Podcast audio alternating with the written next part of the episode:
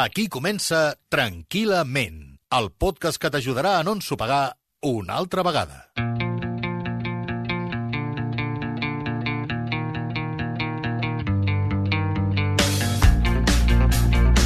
Bon dia, bona tarda, bona nit. El 26 d'abril de 2011, en Pep Guardiola, llavors entrenador del Barça, es va seure en roda de premsa i va tancar una guerra molt particular amb José Mourinho, llavors entrenador del Madrid. En un moment d'escalada verbal molt perillosa, sobretot per part del portuguès, Guardiola va dir això. Mañana a las 8.45 nos enfrentamos aquí en el campo, fuera del campo, y ha ganado, lo ha ganado durante todo el año, ha ganado durante toda esta temporada y en el futuro lo que va a ser. Le regalo su Champions particular fuera del campo, se la lleve a casa y la disfrute como todas las otras. En el otro jugaremos, a veces ganaré, a veces perderé, o ganaremos o perderemos, normalmente gana él, porque es su historia. Si le avala, nosotros a veces nos conformamos con victorias más pequeñitas, en las cuales provocamos la admiración del mundo y de las cuales no estamos muy, muy orgullosos. Mira, también puede salir aquí una lista de agravios comparativos, pero no acabaríamos nunca. Mañana a las 8.45 saldremos a este campo a intentar jugar al fútbol lo mejor posible. En esta sala, él es el puto jefe, el puto amo, es el que más sabe del mundo. Yo no quiero ni competir ni un instante. Solo recuerdo que hemos estado juntos cuatro años. Él me conoce y yo le conozco, y con eso me queda.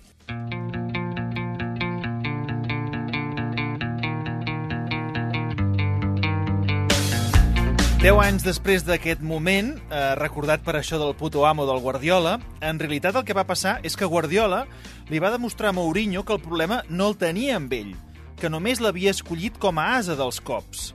Per això Guardiola li va cedir aquesta victòria fora dels camps i així el portuguès va quedar totalment desactivat. I això també ens passa moltes vegades, però no ens n'adonem. Creiem que tenim problemes a la feina, a la parella, amb els fills o amb els amics, però atenció a això. I si resulta que no tinc molts problemes? I si resulta que tinc el mateix, però amb disfresses diferents? Si això fos cert, no serien molt més fàcils de resoldre? Avui tinc molts problemes, o potser no tants. Xavier, benvingut. Moltes gràcies, aquí estem. Quan ens reunim amb el Xavier per escollir amb molta cura sempre quins temes us proposem al Tranquil·lament, que per cert, de fet, les propostes les podeu fer arribar a ment arroba recu.net, ment arroba recu.net, allà us llegim i ens en feu arribar, i algunes d'elles ja l'estem traslladant al, als podcasts. Quan discutíem sobre els temes, eh, el Xavier em va dir podíem parlar de la gent que creu que té molts problemes, però en realitat només en té un. I en aquell moment que em vas plantejar, jo t'he de dir que jo no, no, no ho vaig entendre. O sigui, la qüestió és que tenim molts problemes, però en realitat sempre seria el mateix, no? I si això que ara ens explicaràs és cert i ho entenem bé, ens hauria de proposar un canvi de xip important. Efectivament. Perquè totes les pilotes que tenim al damunt, en realitat només serien una. En Exacte. realitat només n'hauríem de parar una. Exacte. Val. Doncs comencem pel principi. En realitat, quan diem que tenim problemes, tenim molts problemes i de quants problemes estem parlant? No, uh, en realitat uh, ho convertim tot en un problema. Però ho convertim en un problema perquè probablement hi ha certes bases de conducta que provoquen, sense que ens donem compte, que ho vivim d'aquesta manera. I aquí és on cal descobrir la pregunta que jo faig en aquests casos, que és molt curiosa, perquè és què és allò que és comú en el diferent? Per tant, Com has dit això? què és allò que és comú en el diferent? Per exemple, he tingut diferents parelles, què hi ha en comú? I la gent sempre em contesta, res, són ben diferents. Dic, no, no, és que no els miris amb ells, és comú amb tu. No, jo et diria, he tingut problemes diferents amb cada una d'aquestes parelles. Segur que no. Home, a veure... Eh, Segur que no. Segur que no. Segur que- Amb una ens portàvem malament perquè, jo que sé, hi havia molta diferència d'edat, Sí. amb l'altra resulta que ella tenia una amica i jo no tolerava, Sí. amb l'altra resulta que jo feia i no- ella no li agradava, o Sí, ell no li això, agradava... això, és lo, això és l'aparent. Això és l'aparent, Marc. T'he dit tres exemples que no Sí. tenen res a veure l'un amb l'altre. De tres aparent. problemes totalment diferents. Perquè els, els has resolt de la mateixa manera tots tres. Plegant. Ja està. Per tant, què, què hi ha en comú? Que acabo cansant-me, que plego, que no tolero, que no m'aguanto. Et posaré dos exemples, que són molt senzills. Un, la persona que mm, a tot arreu té problemes. Sí. A tot em conec, arreu. eh? Conec. A tot Com arreu. estàs? Molts problemes. Molts problemes, molts problemes, problemes. I et fan la llista. A la feina, a casa, Exacte. amb la família... I llavors mires el problema i dius, i, i quan mires el problema dius, quin, quin és el problema? El problema és que va de cul. El problema és que corre a tot arreu. El problema és que aquella persona no para. Aquell problema és que ho apura tot. I de vegades es diu així, eh? eh tinc molts problemes, vaig de cul. Exacte. I aleshores, aquest anar de cul és el que acaba provocant que existeixin aquells problemes a tot arreu. Per tant, quan aquesta persona diu tinc molts problemes, vaig de cul, en realitat el que t'hauria de dir és vaig de cul. Exacte. I per això Tinc problemes. Tinc problemes. Exacte. Ara ho has vist. De la mateixa manera que potser també haurien de dir aquella persona que diu uh, mm, això, mm, em canso de tot, m'avorreixo. Va, he tingut tres parelles. Molt bé. Com han acabat? És que igual. Em canso. Em canso. Em canso perquè entres en la rutina, Em després... canso. Eh, tinc... Ja, ai, però, però i et canses amb alguna cosa més? Fixa, la pregunta segueix sent que hi ha de comú en el diferent. Oh, doncs mira, és que les feines també. No passo de dos anys. Cada dos anys jo ja estic avorrit. Jo no Ah, estic, no estic fet per la rutina. No estic fent la rutina. I, I on vius? I fa molt que vius? No. Jo cada quatre anys ja, ja estic cansat. Ah, llavors, diferents llocs acaba produint-se el mateix problema. Ja, ja, va, ja, ja, d'acord. I el problema quin és? Va, M'avorreixo. D'acord, jo t'ho compro. Però això, individualment, si no et poses davant d'un especialista o algú que t'ho digui, tu això no ho veus. Home, si, eh, quan hi ha una certa repetició, un ja ha de començar a pensar sempre en si mateix. Mira, quan passa una vegada pot ser una casualitat, o no, més ben dit, un fenomen. Quan passa dos cops pot ser casualitat. Mira, tu, no m'ho esperava i ha passat una altra vegada. Quan ja passa tres vegades una cosa, allò ja és un patró. Per tant, davant d'un patró ja no miris a fora, mira't a tu mateix. Sí, clar, d'acord. Però el problema sempre el tenen els altres, no el tinc mai jo. Oh, clar, oh, però, clar. però així, no, així no aprendrem mai, Oh, clar. així no creixerem. És que la parella, és que la parella, eh, és, bueno, eh, m'ha deixat. Clar. I el problema el té ella. Clar, I- clar. I, sí, què m'expliques? La, la gent és avorrida. deixat, la gent és avorrida, la gent sempre fa el mateix. I els pobles, què? Al final tanca... sempre fan les mateixes coses. És a dir, els altres són els avorrits. Jo no. I, en canvi, resulta que sóc jo que m'avorreixo de tot. Per tant, aquí és on hem de posar l'atenció i per això estem dient, quan ens sembla que tenim molts problemes, hem de ser capaços d'observar quina és la nostra conducta davant d'aquests problemes. Perquè dificultats i problemes per si mateixos és obvi que la vida n'hi ha. Ara s'espatlla una, un, cana, un, eh, un salt d'aigua, ara, ara s'espatlla la dutxa, ara se'n va la llum, ara hi ha hagut un accident, ara... És a dir, passen coses, i coses que repercuteixen en les nostres vides i allò ho convertim en un problema. Però aquí el, el, aquí no és, el, el cas no és l'origen del problema, sinó com responc jo als problemes.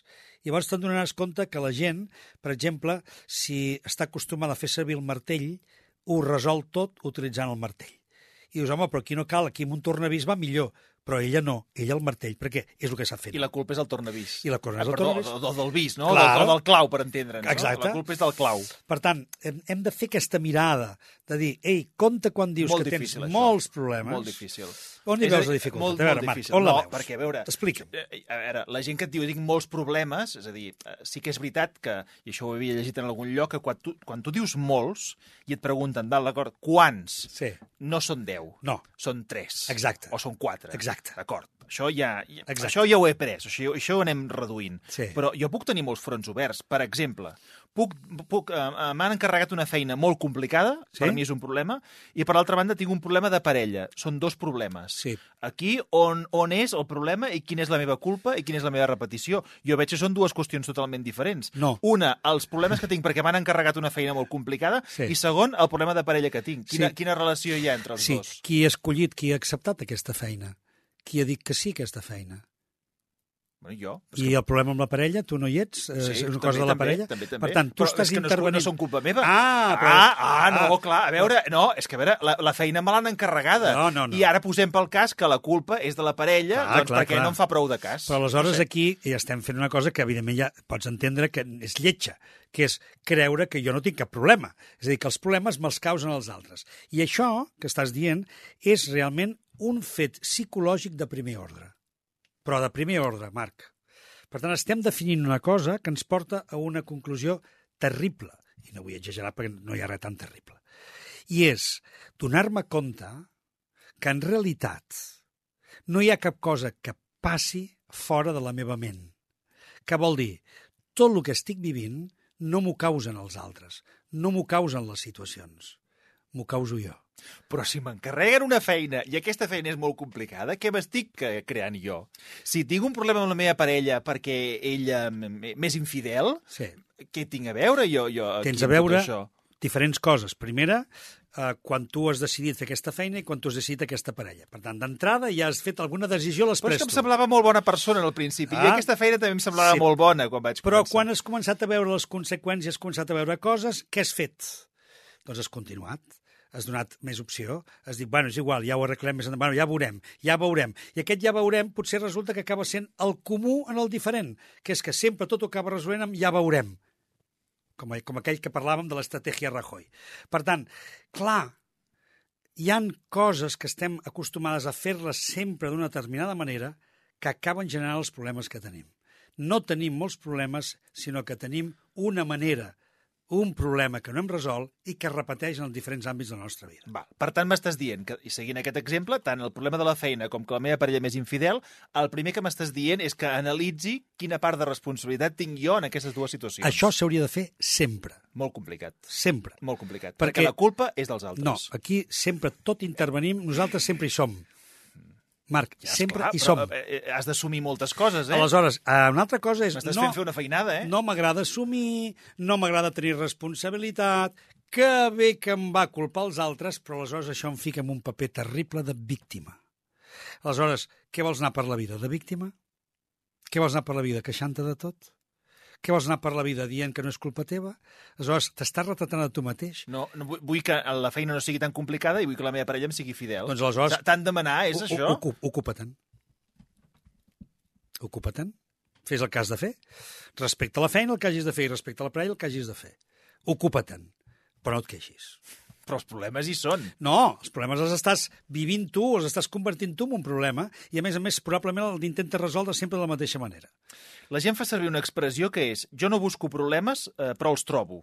És, és cert o, o no és cert? Bé, això seria una mica el que estic explicant. És a dir, eh, al final, com que som programes, tenim, estem plens de programes, d'hàbits, de costums, resulta que allà on no hi ha problema me l'acabo creant. Per què? Perquè tinc aquest hàbit. Posem per cas una persona que està acostumada a que necessita de tant en tant certes dosis de mm, tensió. Si no, si no tinc tensió amb la meva parella, sembla que em falti alguna cosa. Aquesta persona què farà? Crearà un problema d'allà on no existeix i convertirà una, minu una minúcia, una tonteria, la convertirà en un gran conflicte. Per què? Per tal de crear una tensió. I aleshores la parella, que se'n dona compte, al cap d'un temps diu, escolta'm, cada dos per tres estàs creant tensions de coses que no té cap sentit perquè no tenen cap importància. Són menudències, són xorrades. I tu creus que per aquesta xorrada has de muntar aquests pollastres? Aleshores, si muntes aquests pollastres no és perquè tens un problema que ve de fora, és perquè tens un problema aquí dintre, que no l'has resolt. La primera era jo no busco problemes, però els trobo. Te'n dic una altra. Vinga. Sempre m'acabo enganxant amb els companys de feina. El problema el tinc jo? Sí. Sí, sí, perquè tendeixo a enganxar-me. És a dir, els companys de feina són el ganxo i jo m'enganxo. Per tant, allà on trobo un ganxo, m'enganxo. Què vol dir? Ja, ja es donen les condicions, les circumstàncies perquè jo quedi atrapat en el meu programa. I llavors tornem una mica a la roda del que estem dient tota l'estona. Veus? Al final, sóc jo que em vaig enganxant. Però per què? Perquè veig ganxos a tot arreu. Però els ganxos hi són. Però a veure... Els ganxos... Els, home, és que els ganxos hi són, Ah! és que és el que t'anava a dir. Vols És a dir qui són? Home, a veure, l'exterior ah, no, algun problema em pot provocar, no? Sí. no? No sempre serà culpa meva. És veritat. No entraré jo en una sala i resulta que hi hagi una discussió serà culpa meva. És veritat. Potser no hi tinc res a veure. És veritat, però que sigui viscut, que sigui tractat... Que sigui petit, vols dir. No, o, o que- la forma en què és tractat el problema, això depèn de mi. És veritat, i t'ho he dit abans, el primer que t'he dit. Efectivament, la vida És que el hi pot ser-hi, eh? genera condicions de dificultat, genera condicions d'experiència. A mi no, a mi no m'agrada dir problema, m'agrada dir condicions d'experiència. Per tant, et trobaràs amb moltes condicions d'experiència i algunes els hi posaràs el nom de conflicte o problema. Aleshores, quan tu li poses l'etiqueta problema, ja estàs generant en tu un, una, una necessitat de solucionar-lo. I la manera de solucionar-lo serà, efectivament, d'aquella manera en què tu sempre resols els problemes, que és allò del, del martell que s'abreix per tot. Avui al Tranquil·lament us estem... Crec que és un, és un podcast avui diferent, és una edició diferent, perquè us estem proposant una màxima i estem posant a prova aquesta màxima, no? És a dir, a veure si vosaltres hi esteu d'acord amb tots els avantatges i tots els inconvenients. La màxima és no tinc molts problemes, en realitat en tinc un, o, o dos, podríem dir. Això ens passa per manca d'autocrítica? És a dir, som poc crítics amb nosaltres mateixos? No, per desconeixement, més que crítica... Home, hi ha, hi ha, mira, hi ha gent que es critica molt i gent que no es critica gens. És a dir, tenim els dos extrems. Però jo diria que més aviat és per desconeixement. És per això que t'estava dient fa una estona, Marc. Estem tan acostumats a mirar cap en fora que no mirem cap endintre. I ens sembla que tot ens ve de fora. I aquesta és la gran trampa del ser humà, que és creure que tot el que visc ve motivat per alguna cosa de fora. Per tant, que jo no hi tinc res a veure. Quan nosaltres estem participant contínuament de tota l'experiència. Per tant, clar que hi tenim a veure. Ara, una altra cosa és, sóc jo el causador de que s'iniciï una història que ha acabat amb una dificultat? Potser no. I jo no vaig iniciar que un taxi atropelli una persona, però m'hi vaig veure afectat. Però jo no vaig causar-ho, d'acord. Per tant, és evident de que tu potser no ets la causa de moltes coses que estan passant, però sí ets la resposta a moltes coses que estan passant. I la teva resposta pot ser una resposta que es converteixi en un patró que sempre resolgui les coses de la mateixa manera. M'agafo això, eh? m'agafo al patró i m'agafo a que és un problema nostre d'observar-nos i d'observar què tenim al voltant per comentar una derivada que em sembla interessant. Eh, estem parlant, eh, i potser hi podríem dedicar un, un programa sencer, de que quan tenim un problema o una dificultat hi, hi donem voltes, no? de vegades és a dins, de vegades és a fora. I de vegades eh, aquestes voltes que hi donem es cronifiquen i caiem en una mena de bucle i ens passem tot el dia donant-hi voltes, no? Uh. -huh. I és quan fem servir aquest plural, no? Tenim problemes, és que estic ple de problemes. Sí. Uh, crec que això es descriu o es pot descriure com a, com a pensaments obsessius, no?